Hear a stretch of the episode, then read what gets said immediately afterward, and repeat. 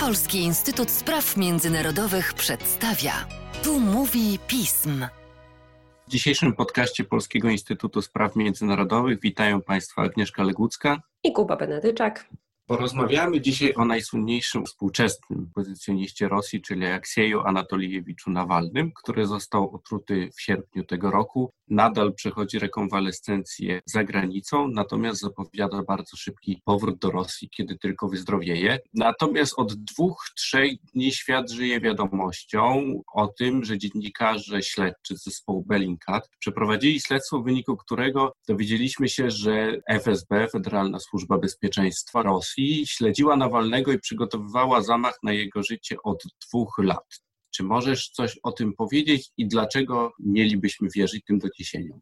No możemy wierzyć, dlatego że Bellingcat już e, jest znany z dochodzenia w sprawie Salisbury, czyli otrucia Skripalów w 2018 roku, co potem zostało potwierdzone przez niezależne też ośrodki badawcze. I można też powiedzieć, że to świadectwo, to, które też Nawalny opublikował na swojej stronie, które w ciągu jednego dnia zostało obejrzane przez 10 milionów osób prawie, no, przyciągnęło bardzo dużą uwagę. Jest dobrze przygotowane w tym sensie, że dotarli oni do sprzedawanych na czarnym rynku informacji, a także połączeń telefonicznych między osobami zaangażowanymi w tak zwany szwadron śmierci, który rzeczywiście śledził Nawalnego od 2017 roku. I takie rzeczy, które on mówił, że się wydawały dziwne, bo w którychś momentach czuł się źle albo jego żona czuła się źle, machali na to ręką, ale teraz poskładali to sobie w jedną całość i według nich, ale także według właśnie tych śledczych wychodzi, że były próby podejmowania jego trucia już wcześniej. No i to jest o tyle zaskakujące, że mamy cały katalog osób, które są związane z właśnie z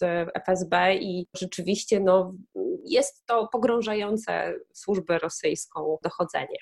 No właśnie, a propos służb rosyjskich, ponieważ od mniej więcej 3-4 lat jest tak, że my nieustannie dowiadujemy się o wpadkach agentów rosyjskich, zarówno służby specjalnej cywilnej, czy FSB, jak i wywiadu wojskowego, czy GIER-u, ale też agencji wywiadu rosyjskiej. Jeżeli GRU próbuje coś mieszać w Irlandii, próbuje przeciąć kable pod oceanem, to my się o tym dowiadujemy. Dowiadujemy się, kto dokonał zamachu w Berlinie, dowiadujemy się, kto dokonał zamachu w Salisbury. Teraz właściwie w ciągu kilku miesięcy od próby otrucia Nawalnego dokładnie dowiadujemy się, kto go próbuje otruć. I nasuwa się takie pytanie, to nie jest tak, że do mediów docierają te informacje deux ex machina, tylko ktoś je musi dostarczać. Dostarczają je prawdopodobnie europejskie, amerykańskie służby kontrwywiadowcze i one jakby ucinają mit, który funkcjonuje od czasów zakończenia II wojny światowej, czyli wszechmogącej służby rosyjskiej, która wie wszystko, która jest w stanie zorganizować na każdego, który jest w stanie znaleźć każdego w każdym zakątku świata. No a tu się okazuje, że nie do końca. To mi się wydaje, że to jest jakiś kryzys rosyjskich służb, czy po prostu to europejskie, amerykańskie zaczęły działać lepiej, a może są bardziej na Rosji wyczulone. Mam wrażenie, że już odpowiedziałeś sobie na to pytanie, ponieważ to pytanie jest trochę z tezą, że rzeczywiście służby rosyjskie, mit tych służb specjalnych jest owiany tajemnicą i powinien być jak najbardziej podnoszony na piedestał. Tymczasem to, czego najbardziej nie lubią, to śmieszności i takiego właśnie pokazania ich mechanizmów działania i takiej toporności rzeczywiście działania, no bo chociażby w tej sytuacji można było prześledzić, że podróżowali dokładnie, dokładnie w tych samych momentach, 30 30 różnych podróży, które odbywały się mniej więcej jak w takiej samej rotacji i, i, wyglądzie, więc no ja też uważam, że pewne rzeczy przechodzą do informacji po to, żeby chociażby otrucie właśnie nowiczokiem jest elementem przestraszenia Zachodu, więc to, że wypływa taka sytuacja na światło dzienne, to raczej ma pokazać to, że Rosja dysponuje jakimś arsenałem groźnym dla państw zachodnich, ale z drugiej strony no, służby i ujawniane kolejne klęski tych służb pokazują wyraźnie, że tutaj e, coś chwieje się, ten mit tych właśnie wspaniałych służb. Powiedziałeś też, że Nawalny wraca do e, Rosji, więc ja Tobie teraz zadam pytanie. Pisaliśmy razem biuletyn na temat znaczenia Nawalnego w polityce i wewnętrznej, i zagranicznej. I też wiem, że Ty masz takie podejście do Aleksieja Nawalnego, takie sceptyczne albo trzeźwe, pragmatyczne, jego, dotyczące właśnie jego znaczenia w polityce wewnętrznej. Czy te zapowiedzi o tym, że on wraca do domu i będzie przygotowywał zaplecze na wybory, uważasz, że one przyniosą jakiś efekt w polityce wewnętrznej Rosji, czy nie? Jestem przekonany, że on wróci do Rosji, kiedy tylko wyzdrowieje, bo on rzeczywiście posiada głód władzy i to właściwie już kiedy on pojawił się na piedestale politycznym w Rosji około roku 2010-2011, no to właśnie tak go określano, to widać w tym człowieku, że on posiada ogromny głód władzy, jest dla niej wiele w stanie zrobić i wiele w stanie przejść, jak kolejna próba otrucia. Natomiast oczywiście jego chęci, jego głód władzy to jest jedno, a jego możliwości to jest rzecz druga. On już stracił, właściwie zarejestrował różne partie polityczne i one nigdy nie zostały dopuszczone do wyborów. Próbował startować na prezydenta. Niedawno zlikwidowano jego już legendarną Fundację Walki z Korupcją. Więc to będzie tak, że on oczywiście wróci i on oczywiście będzie próbował i będzie wykonywał mrówczą pracę w regionie, bo to jest potwornie pracowity człowiek, i który wychodzi na ulicę do ludzi, bardzo aktywnie działa w internecie. Zresztą tu trzeba powiedzieć, że w internecie on był wielokrotnie nagradzany przez różne portale czy gazety za innowacyjne projekty. To nie jest tak, że on po prostu stworzył stronę, tylko on po prostu stworzył wiele inicjatyw internetowych, no takich bardzo nowoczesnych, które były nagradzane na, na całym świecie. Ale y, tak, ja mam wątpliwości co do tego, czy on będzie w stanie przebić się przez obecny system. Co prawda ten system coraz bardziej wyczerpuje swoje możliwości, albo inaczej nie znajduje nowych narzędzi, ale są one na tyle przynajmniej na razie wystarczające, żeby zatrzymać Aleksieja Nawalnego przed wyborami, chociażby do Dumy państwowej w 2021 roku. Ale powiedz jeszcze, jak jego popularność w internecie przekłada się na rozpoznawalność wśród Rosjan, bądź też właśnie popularność jako polityka?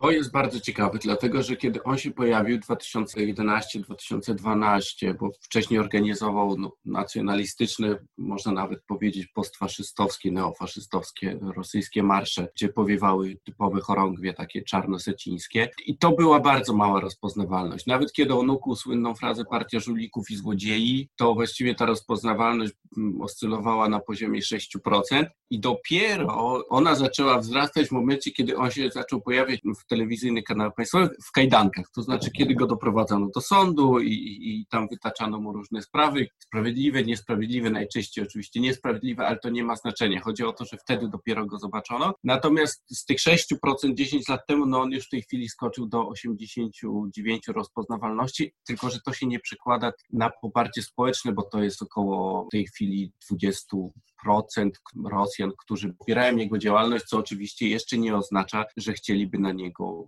głosować mówiąc o tym, że on przeszedł taką ewolucję też polityczną e, i swoich poglądów, czy teraz mógłbyś e, określić, z czego zrezygnował, z jakichś newralgicznych haseł, a w jaki sposób możemy go postrzegać, mhm. czy możemy go postrzegać jako demokratę?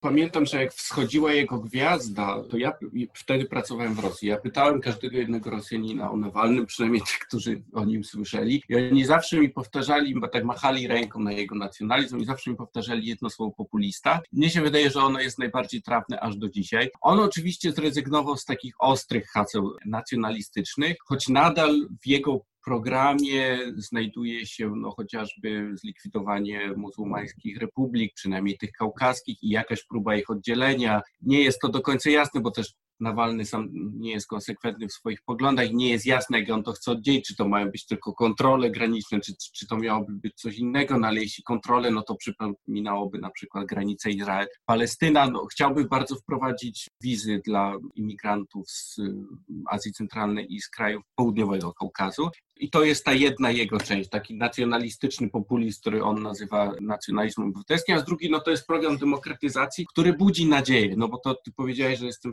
trzeźwy sceptyczny, no to jeżeli mam go obiektywnie ocenić, no to on rzeczywiście zapowiada zmiany demokratyczne w Rosji, być może to się uda. To, do czego ja mam zastrzeżenia, to nawet nie jego demokracji, bo być może gdyby on doszedł do władzy, to rzeczywiście uwolni media, zorganizuje wolne wybory, wolną kampanię. Natomiast jego program gospodarczy jest taki, jakby się wziął wzięło podręczniki szkoły chicagowskiej z przełomu lat 80. i 90., czyli taki wolny rynek i terapia szokowa, którą i, i całkowite wycofywanie się państwa z, z, wszelkich elementów gospodarki, co właściwie już dzisiaj wiadomo, że te poglądy są bardzo anachroniczne i nie do zastosowania. Także to są takie dwie rzeczy, że z jednej strony Nawalny zapowiada demokratyzację i nie ma powodu, żeby mu nie wierzyć, a z drugiej strony no właśnie jest komponent populizmu. I przechodząc od właśnie tego komponentu populizmu i jego poglądów, ja mogę Ciebie zapytać, jak to wygląda w polityce zagranicznej, bo znowu y, tutaj pewnie wychodzi niekonsekwencja Nawalnego, bo z jednej strony jest y, prozachodni, ale z drugiej strony tak nie bardzo z tak zwanej mocarstwowości rosyjskiej chce zrezygnować. Czy możesz powiedzieć, jak Ty to widzisz?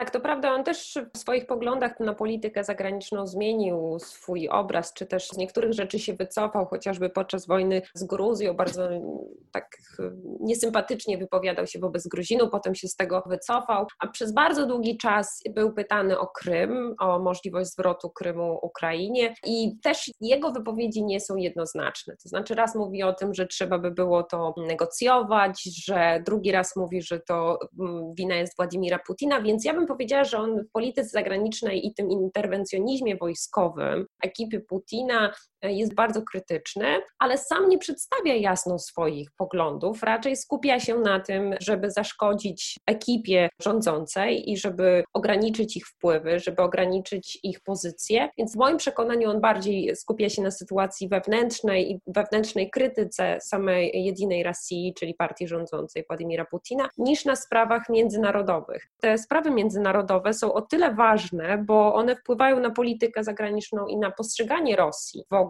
w Unii Europejskiej i na świecie. I sprawa Nawalnego, jakby sytuacja wokół niego, popsuła wizerunek Rosji, nie tylko służb specjalnych, ale samej Rosji, dlatego że jeszcze pamiętamy w marcu tego roku prezydent Francji mówił o tym, że można by było podjąć dialog z Rosją, no bo jest pandemia, wzrastają pozycja Chin i trzeba by było znaleźć jakieś kanały porozumienia. Tymczasem sytuacja wokół Nawalnego zmieniła to środowisko dyskusji na temat Rosji i obserwujemy sytuację tego typu, że właśnie czy w Unii Europejskiej Parlament Europejski bardzo ostre stanowisko zajął. W samych Niemczech też była bardzo poważna dyskusja na temat zaostrzenia bądź takiego zmęczenia Rosją, że za znowu coś Rosjanie zaczęli robić, a to rykoszetem odbiło się na samych Niemczech, ale też projekcie Nord Stream 2. Amerykanie mm, trochę mniej tak ostro wypowiedzieli się na temat Nawalnego, to znaczy może wypowiadali się mocno, ale kolejne sankcje nie były wprowadzane wokół Nawalnego, ale z kolei właśnie kontynuacja zaostrzenia kursu na projekt Nord Stream 2. Z kolei Unia Europejska przyjęła kilka sankcji względem Rosji w związku z Nawalnym, ale one w moim przekonaniu nie były na tyle dotkliwe, jak moglibyśmy oczekiwać. Ale jakby ferment wokół Nawalnego i tego, że Rosja użyła broni masowego rażenia, czyli właśnie broni chemicznej po raz kolejny, no przyczyniło się do tego, że e, dyskusja na temat ponownego dialogu, porozumienia raczej jest na razie zamknięta. A jak sądzisz, jak Rosjanie patrzą na Nawalnego, który tak bardzo flirtuje, to jest oczywiście z dużo powiedziane, ale jednak jeździ po krajach zachodnich, występuje w Parlamencie Europejskim, być może pojedzie do Stanów Zjednoczonych, tam wystąpi. Czy to będzie pozytywnie odebrane w Rosji? Raczej nie, dlatego on tak mocno zapowiada szybki powrót do Rosji, bo te wpływy zagranicy, nie wiem czy to w związku z propagandą medialną, czy też właśnie jeszcze XIX-wiecznymi takimi negatywnymi ocenami Zachodu jako zgniłego Zachodu. Niemniej jednak właśnie kontakty y, za granicą Aleksieja Nawalnego, czy w Europie, czy w Stanach Zjednoczonych, raczej nie zwiększają jego popularności wewnątrz państwa rosyjskiego. Moje ostatnie pytanie do Ciebie brzmi, jak my jako Zachód, przede wszystkim my jako Unia Europejska, powinniśmy patrzeć na Nawalnego, czy powinniśmy żywić wobec niego nadzieję? Przypuśćmy, zabawmy się na chwilę w political fiction, że Nawalny w wyniku jakiej zawieruchy dochodzi do władzy, albo odbywają się wolne wybory, Nawalny, świetny mówca, dochodzi do władzy. Czy my powinniśmy wiązać z tym człowiekiem nadzieję na to, że pomiędzy Unią Europejską a Rosją stosunki się polepszą i że pójdziemy we właściwą stronę? tak jak się zajmujemy Rosją, to ten system jest na tyle skostniały, że dość trudno nam sobie w bliższej perspektywie to wszystko wyobrazić, ale jakby wydarzyła się taka sytuacja, to on, sam Nawalny ma właśnie, z jednej strony mówi o tym, że polepszyłby relacje z Unią Europejską, ale te wielkomocarstwowe takie zapędy, o których ty powiedziałeś, będą go ograniczać, a także będzie go ograniczać samo poparcie polityczne, jeżeli takie uzyska w społeczeństwie, które raczej zmierza do tego, żeby pozostawiać, dać Rosji tę siłę mocarstwową. Ale też jest nadzieja, to co ty, ty powiedziałeś, na demokratyzację negocjacje, jest nadzieja na takie podejście, które też wynika z badań opinii publicznej, że Rosjanie już są trochę zmęczeni taką konfrontacją z Unią Europejską i Stanami Zjednoczonymi, że żywią chęci do polepszenia tych relacji. Więc być może jako osoba taka, jak ty określiłeś, populistyczna, patrząca też na nastroje społeczne, które idą w tym kierunku, no to być może być takim politykiem, który mógłby zmienić kierunek działań polityki rosyjskiej. Czy wydaje Ci się, że jakikolwiek polityk, Nawalny, Putin, przysłowiowy Iwanow, jest w stanie zrezygnować z komponentu swojego programu czy retoryki mocarstwowości rosyjskiej? Czy, czy kiedyś Rosjanie, Rosja się z tego wyleczy? Może tutaj zabrzmie bardzo teoretycznie, ale mocarstwowość można budować na różne sposoby. I wydaje mi się, że Rosjanie, tak też to wynika z badań, Rosjanie już są trochę zmęczeni taką mocarstwowością tylko budowaną za granicą, że chcieliby również mieć standardy y, europejskie w postaci wybudowanych dróg, dostępu do wody, gazu, bo takich rzeczy nie ma w Rosji w wielu miejscach, w związku z czym naprawdę myślę, że jeżeli już porozmawiamy oczywiście o political fiction, to Rosjanie chcieliby trochę innego świata, który im obecnie oferowany jest poprzez ten system istniejący. Ładna puenta nam się zrobiła na koniec. My zachęcamy do czytania biletynów Polskiego Instytutu Spraw Międzynarodowych na stronie www.pism.pl. A jeszcze raz dziękujemy za uwagę. Kuba Benetyczak i Agnieszka Legucka. Do usłyszenia.